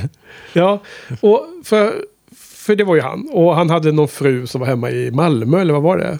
Och så var det någon bild på någon typ Dalkulla som låg i något gräs, eller vad det var. Ja, just det. Ja. Och det är han som möjligen var far till eh, eh, Ja, det lilla barnet. ja, Diana Moran. Just det, Scarlett Johanssons karaktär. Jo, men han sa väl att han hade haft, eh, vad de nu uttryckte, de kallade det för någonting. Någon omskrivning som gällde på dåtiden. Ja, Eh, att han skulle sluta ha det med henne. ja. Ja. Eh, ja, men det är sant. Det var ju en av två kopplingar till Highlander. Oj. Den andra har jag ingen aning om. I Highlander så spelar ju Christopher Lambert Connor MacLeod. Eller hur? Och hans stora eh, fiende, den master villain i den filmen är ju den här Kurgan. Den stora svartklädda besten som svingar svärdet och allt det där. Ja. Kurgan. Han, eh, det är ju Clancy Brown heter skådespelaren. Och han spelar ju då i Hail Caesar den här Gracchus. Som kom i sista scenen och frågar Caesar är det väl eh, han spelar helt enkelt va? George Clooney. Han frågar George Clooneys kar- karaktär. Liksom, han är ifrågasättande då när Clooney säger att han har lyssnat på eh, Jesus. Ja, ja. Den, den andra romaren som står där i sista scenen. Där ser man. Clancy Brown som spelar Kurgan i Highlander. Så vi har både Christopher Lambert och ehm, Clancy Brown här i filmen. Tycker jag var lite kul. Tjusigt. För att jag kände igen uh, Kurgan. Och bara så här, åh jag måste kolla att det, att det stämmer liksom. Så jag inte sitter här och säger helt false news. Fake news heter det. Och då helt plötsligt såg jag i, i listan, vänta nu, det var ju eh, Christopher Lambert. För jag kände inte ens igen honom. Han, Han såg var väldigt gammal hårt, ut. hårt sminkad. Ja, var han det eller? Så, Eller- eller Eller är han så gammal? Tänk- Tänk på att eh, eh, Highlander är väl från 87 eller något sånt där. Bisarrt. Så det är många år sedan. Eh, en liten utveckling där. Jag var på roadtrip i USA år 2000. Och på ett mellanstopp i Chicago så eh, åkte jag och Lars-Ola på en eh, seglats ut på den stora sjön där som Chicago ligger vid. Och med på den båten var en tjej från Australien som hette MacLeod i efternamn. Och hon, eh, då började vi direkt prata om Highlander, för det, man gillar ju filmen.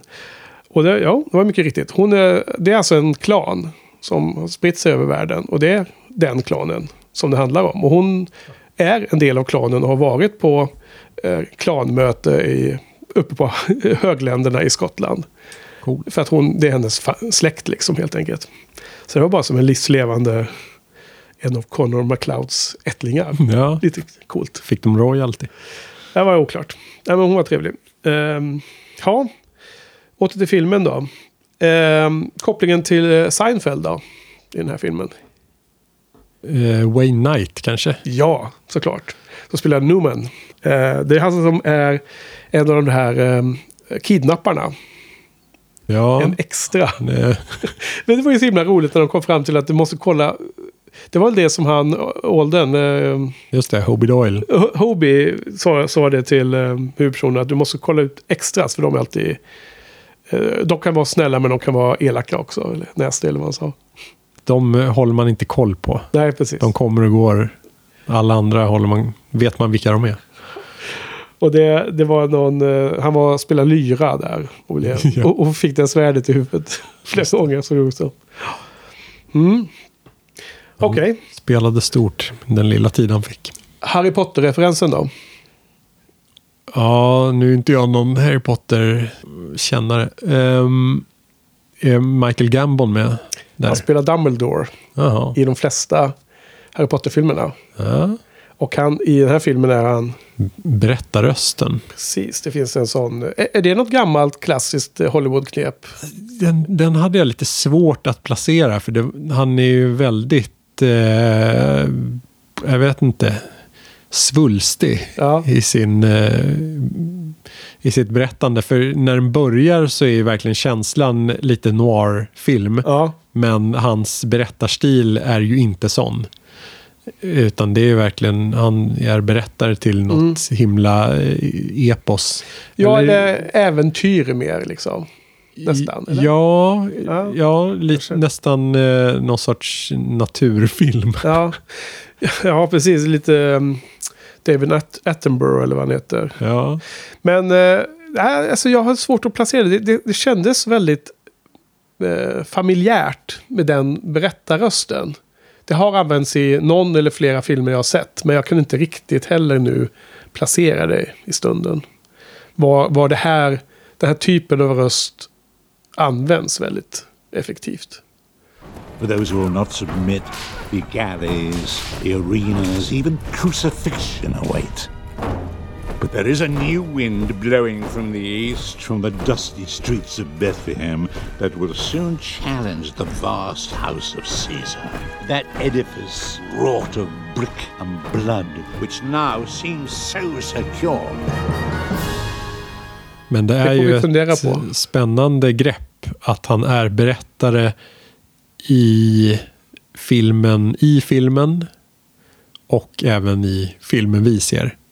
För han är ju, alltså, han är ju berättare till Hail Caesar. Är han med i Hail Caesar-eposet också som berättarröst?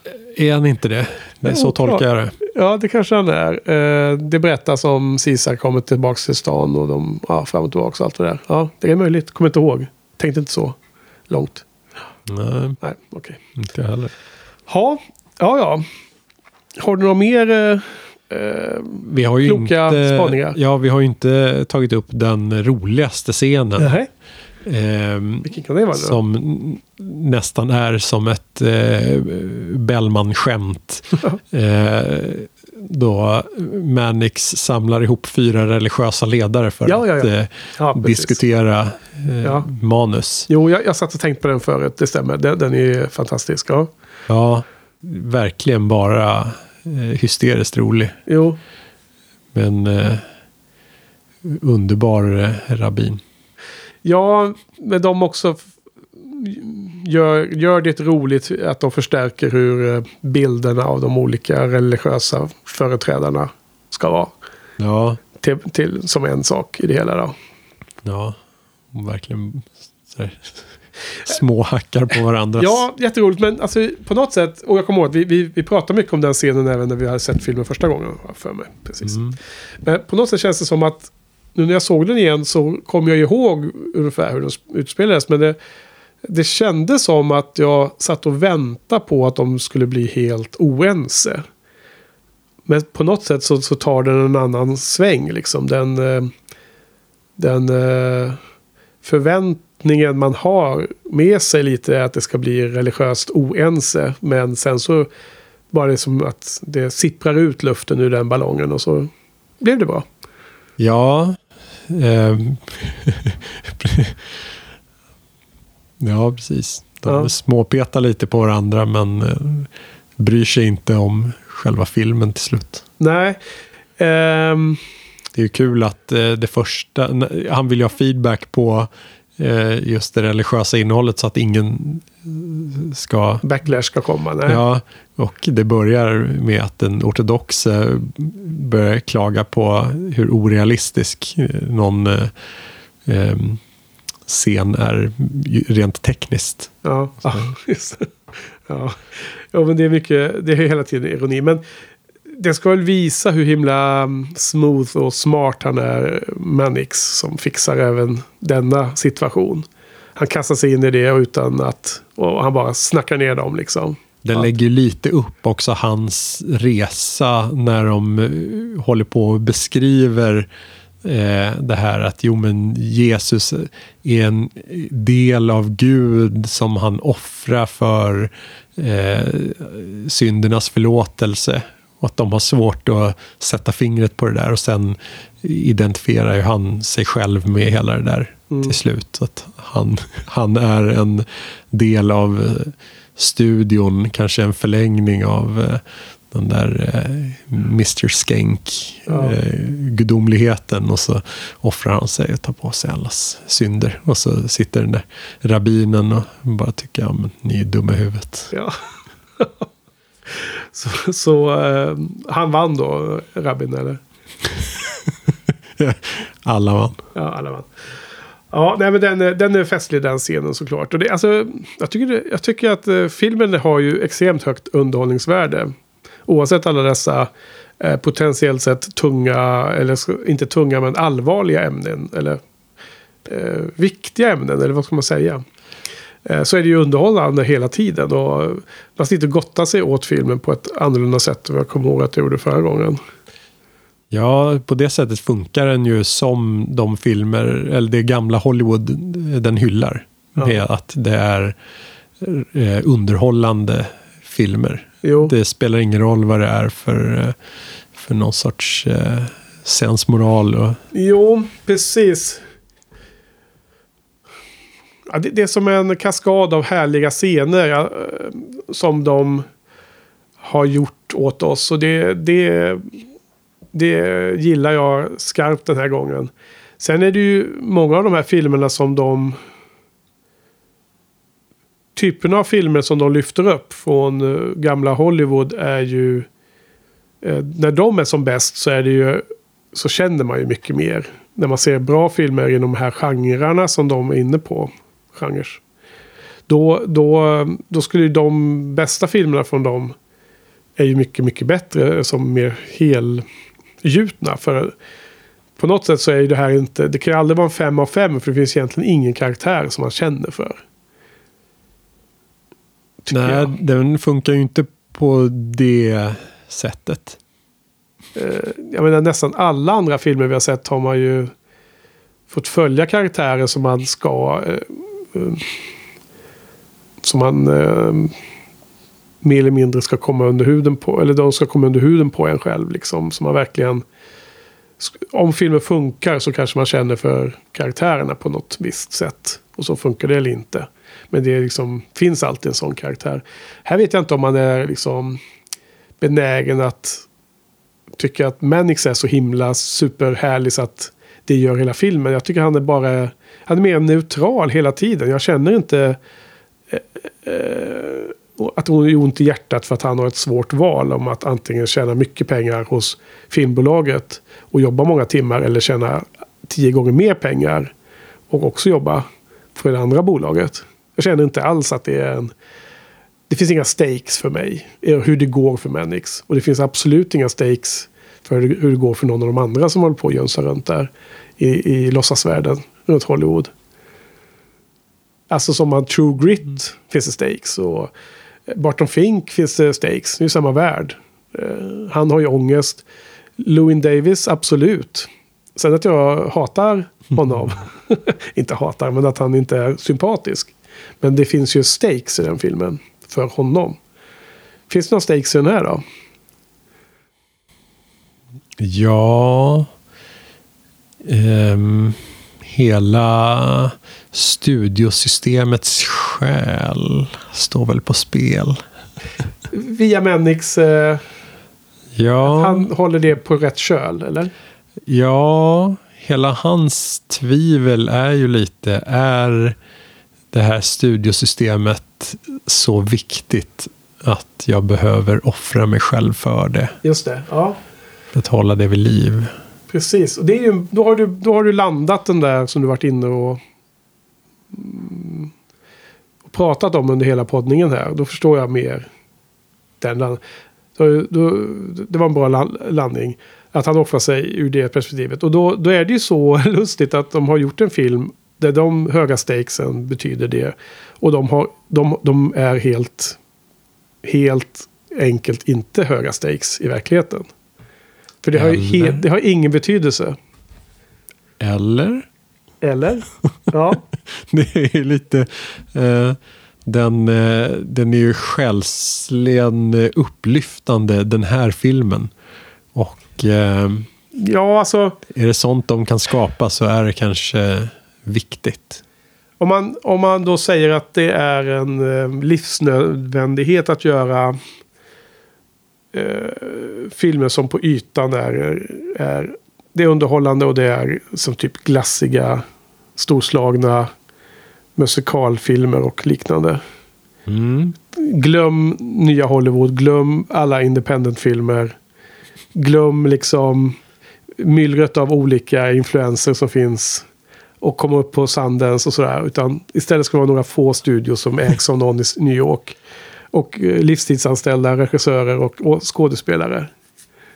Som det var då. Man kanske inte behöver ha det ena eller det andra. Nej, men jag söker de här stakesen. Om det verkligen känns i eh, tarmarna på en när man sitter där. Att det här är verkligen vinna eller försvinna. Så som de bästa filmerna kan. Sådana känslor som de bästa filmerna kan skapa. Jag jämför den ju mer med eh, em, den sortens kanske själlösa komedier som bara underhåller. Ja. Eh, och här har man ändå ett, eh, dels funkar den på det sättet. Men dels så finns det så här lite strömmar under ytan som eh, suger tag i, Ja. i mig. Jo. Absolut, ja men det här, det, vi kanske närmar oss någon slags kärna, något, något som är intressant här. För jag menar, på något sätt så, så jag känner mig lite osäker på hur, hur, hur de egentligen menar i slutändan. Desto mer man tänker på det, desto mer, desto mer förvirrad känner jag mig. Ja, och det är ju härligt. Det är bra i sig, ja. Det kan jag hålla med om. On yesterday's march, punished by the dust of the road, I sought to drink first at the well before the slaves in my charge, whose thirst was far greater than my own. A Roman drinks before a slave. This man was giving water to all. He saw no Roman, he saw no slave. He saw only men, weak men, and gave succor. He saw suffering, which he sought to ease. He saw sin and gave love. Love, Autolycus. He saw my own sin, Gracchus, and greed, but in his eyes I saw no shadow of reproach. I saw only light, the light of God. I dagens filmindustri så har man ju kanske en tendens att satsa på remakes och uppföljare av redan etablerade eh, framgångar.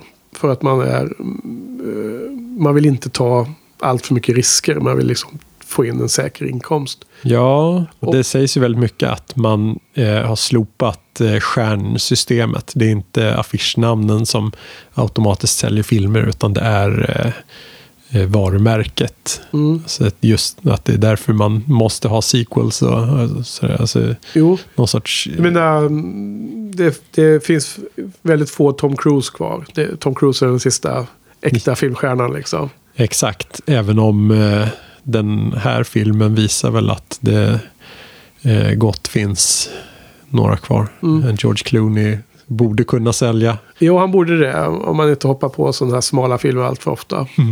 Men det är det jag lite har svårt att eh, se den kopplingen. Att det är den här världen som beskrivs i Mannix eh, studio. Ja. Som är eh, alternativet. Jag, jag, det känns som att man hoppar från det, allt som var fel på den tiden. Hoppar man förbi allt det som var bra och hamnar i allt som är fel just nu. Ja, Och eh, så att därför hade det varit roligare om de hade gjort. Alltså om man nu skulle ta det här på allvar. På riktigt. Om det ska vara riktiga stakes om filmindustrin. Och Ja. inte bara en ett möjlighet för Bröderna Coen att få göra massor med härliga scener från olika genrer som, som gällde på 50-talet. ja. Eh, då hade man kanske gjort en film om eh, independent films bran- branschen i Austin, Texas eller något sånt där. Hmm. Och det kanske är liksom den eh, levande nerven som borde frodas mer än att man gör Transformers nummer 6 eller vad det är som är nästa på G. Som är nästa siffra i serien. Ja, men det kanske är därför eh, man behöver det här för att blicka tillbaka till när eh, Hollywood faktiskt producerade något av värde. Mhm. Att man önskar att eh, stjärnsystemet i studion fanns kvar. Ja.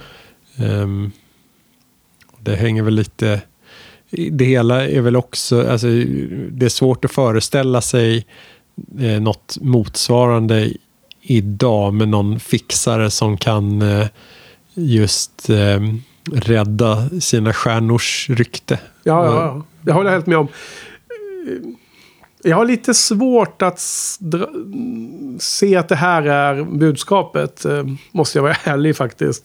Jag eh, ser inte den, den eh, eran av film som eh, eh, det är liksom tydliga svaret på att gå tillbaks till för att fixa vad som är eventuellt fel för idag. Och, och det har jag svårt att se att Coens också skulle eh, tycka. Eh, de är ju, kommer ju själv uppifrån mer eller mindre independent ja. filmer. Eh, de har inte kommit från någon slags studiosystem. Eh, gissar jag. Och Ja, men jag alltså, så som jag har sett den här då innan samtalet med dig. Men det här får man ju verkligen tänka på längre än vad, än vad podden, poddinspelningen tar. Men det är liksom att det mer är en nostalgisk återblick på en era. Som de är stora fans av. På samma sätt som jag tror att Woody Allen ofta gör, som jag jämförde med tidigare. Är nostalgisk över filmhistorien på olika sätt. Och det framkommer i olika filmer han gör. Ja, samtidigt som det är som du säger att de är ganska syrliga eh, med... Alltså det är roligt att man får se de flesta av de här filminspelningarna bakom kulisserna. Man får se hur den här Esther Williams-figuren är eh, vresig, inte alls den eh, persona som eh, tittarna får se via filmerna och tror att, att hon är. Och eh, den här eh, eh, riktiga kulturkrocken mellan brittiska skickliga skådespelare och regissörer och mm. de här amerikanska opolerade eh, sopiga skådespelarna. Ehm, och eh, ja, sen hela ehm, hycklandet kring eh, eh, Channing Tatums eh, sodomi och ja. allt det där. Igen då. Eh, en eh, eh, representation av tidseran också till stor del. Då. Men ja, nej men det vi, vi, någonstans får vi väl försöka wrap it up här kanske. Och vi får väl lämna de här spörsmålen till lyssnarna att fundera vidare lite. Det får väl bli en eh, hemuppgift.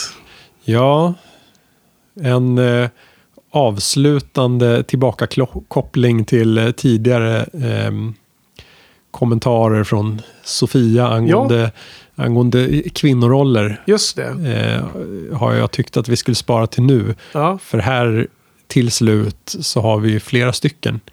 Ja, för, för vi måste sammanfatta nu. Det kom upp i diskussionen runt vilken film då? Uff, det var tidigt. Ja, tidigt i podden. Okay. Känns som att det kan vara vilken som helst. Ja, just det. Men, eh, och förra veckan så var vi ju, hade vi ju inte så många kvinnliga karaktärer ens att prata om. Nej. Det var ju, det hade Sucker Proxy va? Ja. Du hade en med ja. i den filmen. Uh, nu är det desto fler. Så hur, hur hanterar bröderna kvinnokaraktären i den här filmen då, tycker du? Ja, alltså... Um, Scarlett Johansson spelar ju någon... Eh, eh, man får ju se en sån figur lite bakom kulisserna just. Hon är lite mer eh, av en riktig eh, karaktär. Mm. Kanske än bara ytan. Tilda Swinton eh, kan ju spela vad som helst och göra det till en, eh, en stor riktig karaktär i, ja. i nivå med, med eh, de John Turturros och John Goodman som vi har sett tidigare ja. som ja. verkligen sätter färg på, på filmen. Eh, och det är också eh, skönt skrivna figurer. Eh, om än baserade på verkliga personer. Det, Än en gång. De är det ja. Ja. Gissar du eller vet du?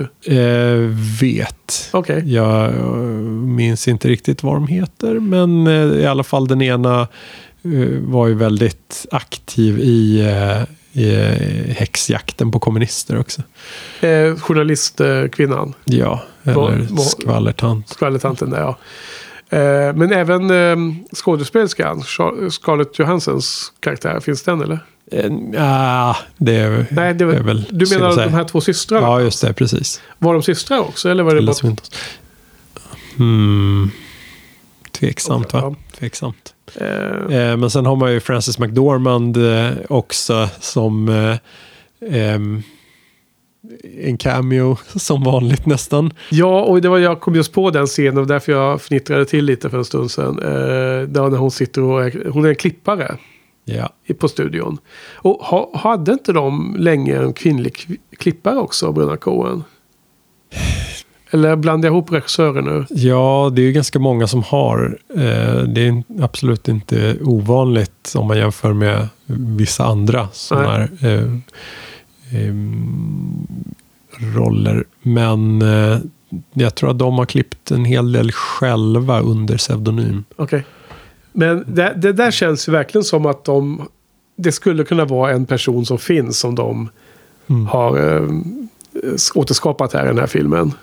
Det, det känns som att det är en så stark personlighet som, som visas här. Att det känns troligt att den finns i verkligheten. Eller håller du med? Eller så är det bara en, en välskriven eh, Absolut. roll. Det, så kan det vara också givetvis. Men eh, den är så liten och den är så kort tid och ändå känns hon så verklig. Så det var därför jag drog den slutsatsen. Ja, ehm, har ju lite med Frances McDormand att göra också. Ja, är ju, hon är ju duktig. fyller ut rollen. Ja. Eh, Den är, ja, Och Det ser så himla vidrigt ut att hon röker så mycket hela tiden. så himla dumt att göra i, runt omkring eh, filmen. Ja, det är lättantändligt ja. Eh, som vi såg i eh, Tarantinos film där. Eh, Och sen just att hon eh, sitter och stryper sig själv nästan och Ja. eh, bara så här med en axelryckning säger ah, jag borde inte ha så ja. scarf. ja, den är ganska härlig Eh. den scenen. Ja, Sen är ju, eh, det är ju någon känd skådespelerska som spelar fru till Mannix också. Hon är ju bara med i en scen där i köket där den hemma en gång va. just det. Jag kommer inte ihåg vad hon heter nu. Hon är ju med i Newsroom också. Ja, Eh, Tv-serien. Alison Pill Ja, det är hon va? Hon är med där tror jag. Snowpiercer också. Jaha, det är hon kanske ja. Tillsammans med Tilda Swinton. Ehm, ja, hon är ofta med i bra filmer. Ja, Men i små roller. ja men kom till skott Hur, hur lyckas de med sina kvinnliga? Sen, sen har man ju även eh, ehm, hon eh, ehm, som dansar med bananer på huvudet. Eh, vad heter hon? Osorio? Ja, som är date till han... Eh, Hobie. Hobie. Glömmer vad de heter. hela. Vad heter hon då? Och, eh, är hon känd den skådespelerskan eller? Känner Nej, nej, inte särskilt. Nej. Men eh, Hon var, hon var frejdig. Det var, det var en bra scen där. De ja, de bra... var himla mysiga tillsammans. Ja, men precis. De hade personkemi ändå, va? Hade de inte? Ja, verkligen. Och eh, det är ju ingen stor roll. Men eh, man kan väl eh, eh, hävda att bröderna kan absolut skriva bra eh, kvinnoroller också. Ja. Men att de historiskt inte har gjort det. Nej. Väntar fortfarande på någon huvudroll. Kanske. Ja, med. Bortsett från eh, Ja, första Fargo. filmen. Fargo har vi ju. Ja, precis. Och även då... eh, ehm, Ra- vad fan vad heter den? Racing Arizona eller vad heter den? Mm, ja, Arizona okej. Junior. Ja, eh, exakt. Vad heter den? Båda. Ja. Det ena är svenska, det andra är original. Båda på engelska men den ena är svensk och det förvirrar en hela tiden. Den heter Racing Arizona i original va? Ja. Där är ju Holly Hunter en bra stor roll. Eh, tillsammans med eh, ja, han galningen, vad heter han? Nicolas Cage. Nick Cage ja. ja men så det finns allt några. Eh, men eh, ja, jag känner mig lite tveksam i om det är deras eh, forte, deras styrka att skriva kvinnliga roller. Jag tycker att eh, vad hon nu heter, Margot Gunderson eller vad hon heter i Fargo är ju störtskön och eh, ges liv av eh, Frances. Men eh, i den här filmen så är de ju lite, riskerar att bli lite på gränsen till karikatyrer allihopa. Inte för att det skiljer sig från eh, deras manliga Nej, det gör väl inte det kanske. Nej. Det är väl några som är lite mer neutrala, bland annat Mannix. Ja. Uh, som ska vara the straight guy.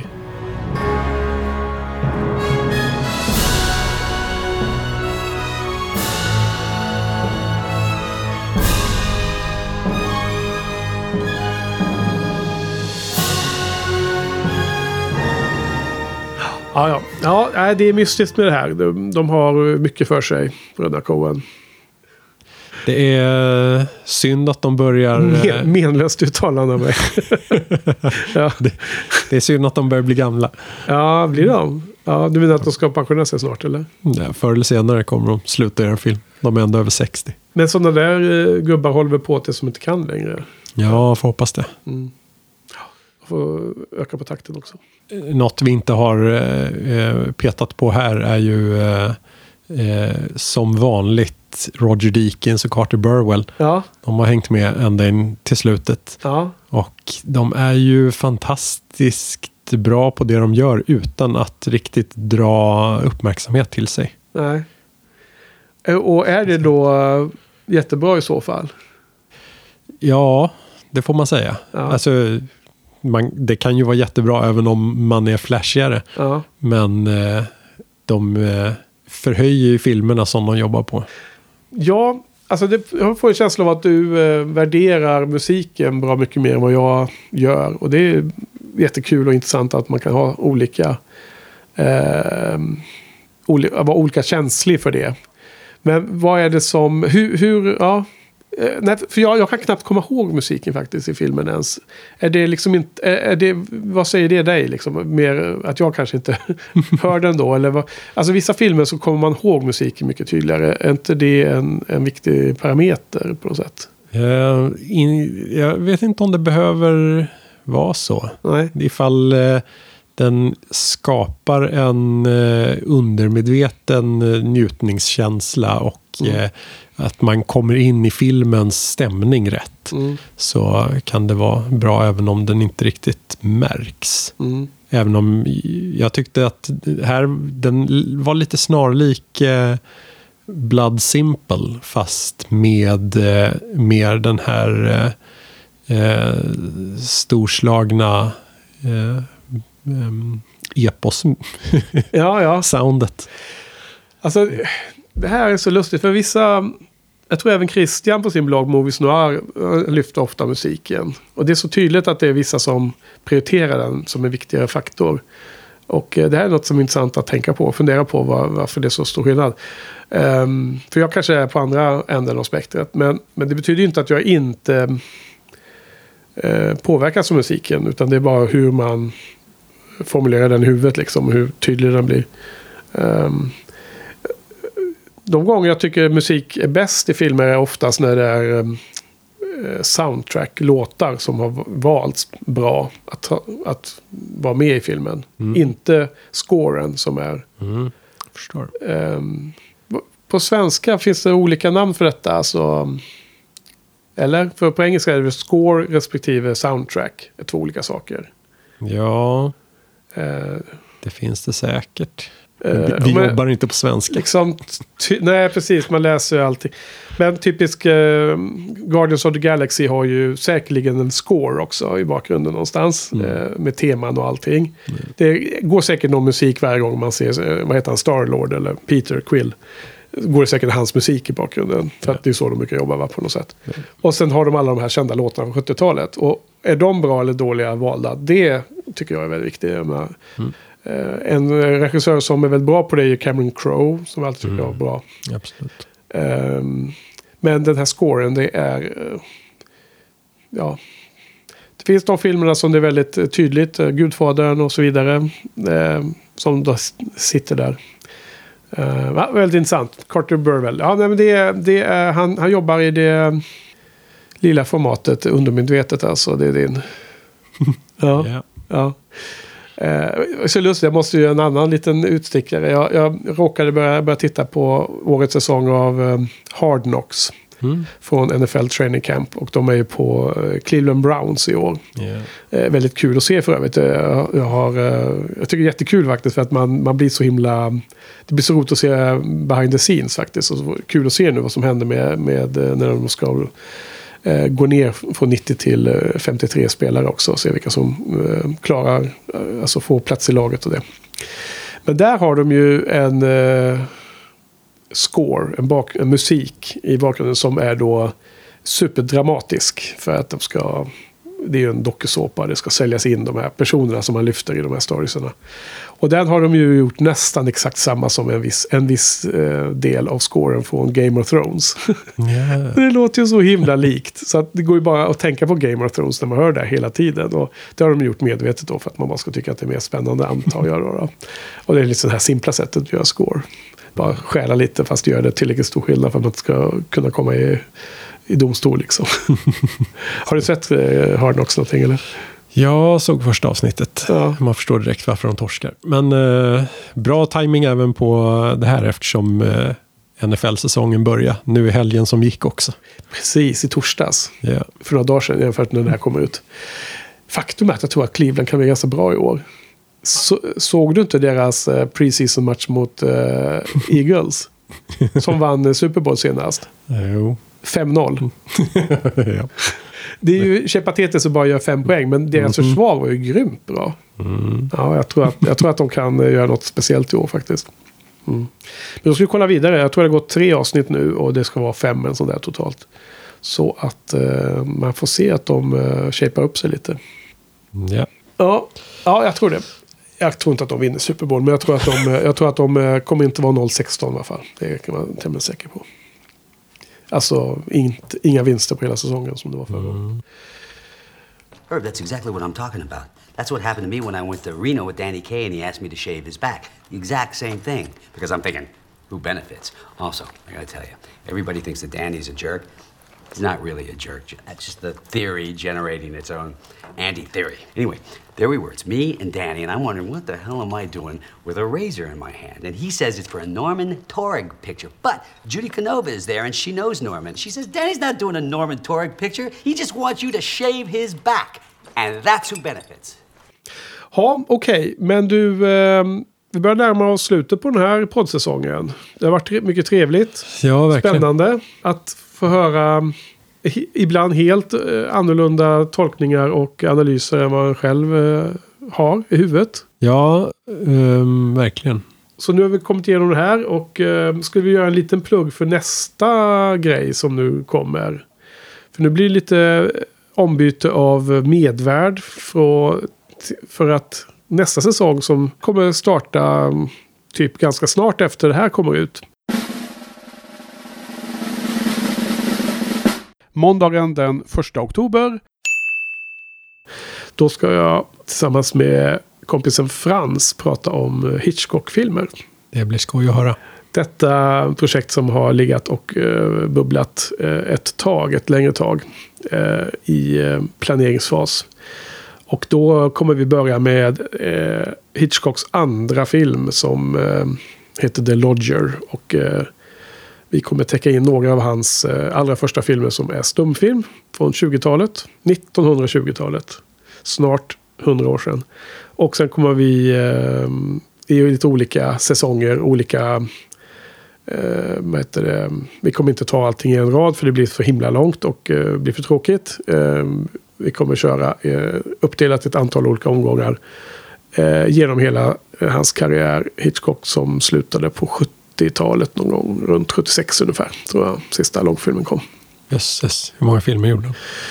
Jag tror att han gjorde någonstans över mellan 50 och 60 filmer. Och om eh, vi har tur så kommer vi täcka in en majoritet av dem. Inte alla dock. Det blir för mycket. Ambitiöst. Ja, det är lite ambitiöst. Men vi, som sagt, vi, vi får ta tiden an. Det kommer att ta några år. Eh, vi behöver ha paus ibland också. Ja, Ja. Så det är nästa grej på gång. Och sen finns det ytterligare projekt på gång. Men det får vi återkomma till i framtiden.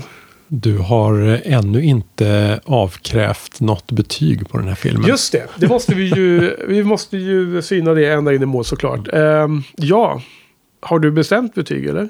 Ja, Ja. det har jag. Och vad, vad sa du förra gången? Efter 2016? Oh, jag tror fyra och en halv kanske. Okej, och nu då? Fyra. Ja, du sa just att det är, kan ju aldrig bli en femma. Nej. Men där håller jag ju inte med. Nej, nej. Utan jag får nog både börja och eh, sluta säsongen på en femma. Suveränt. Mm. Liten eh, applåd. Ja, men det är ju underbart att höra. Och eh, Eh, ja, men det köper jag. Jag köper eh, absolut att... eh, jag, jag sa nog fel. Alltså det var ju rent min personliga åsikt. Eh, vad som kanske krävs i någon slags eh, empirisk slutledningsförmåga. Att de filmer som jag brukar ge fem brukar ha, innehålla vissa typer av eh, eh, aspekter som jag värderar. Eh, så, men, men jag kan samtidigt köpa inte fullt ut att den här filmen är så pass sprudlande filmglädje som förmedlas eh, scen efter scen efter scen. Eh, att man kan säga att det här är liksom top of the line. Det, så det, det kan jag köpa 100%.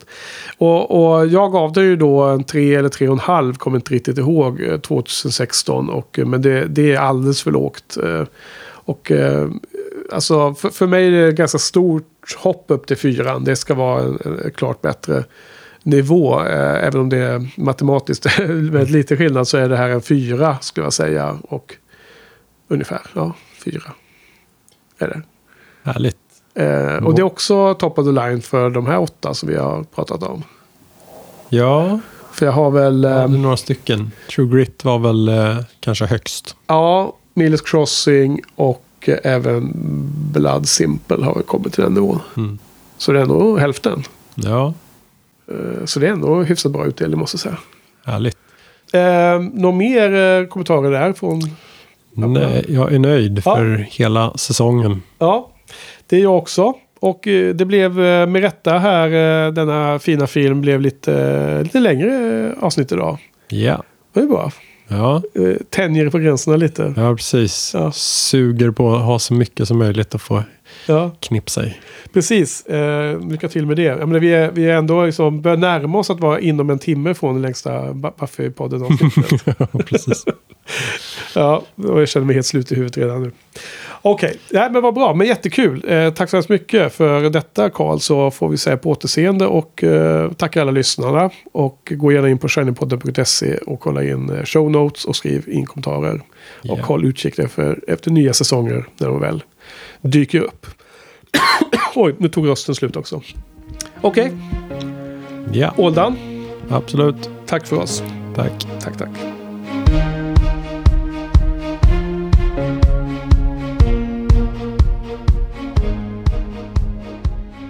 In livelier precincts, the swells of Dreamland gather to inspect the completed weave of another piece of gossamer, another movie, another portion of balm for the ache of a toiling mankind.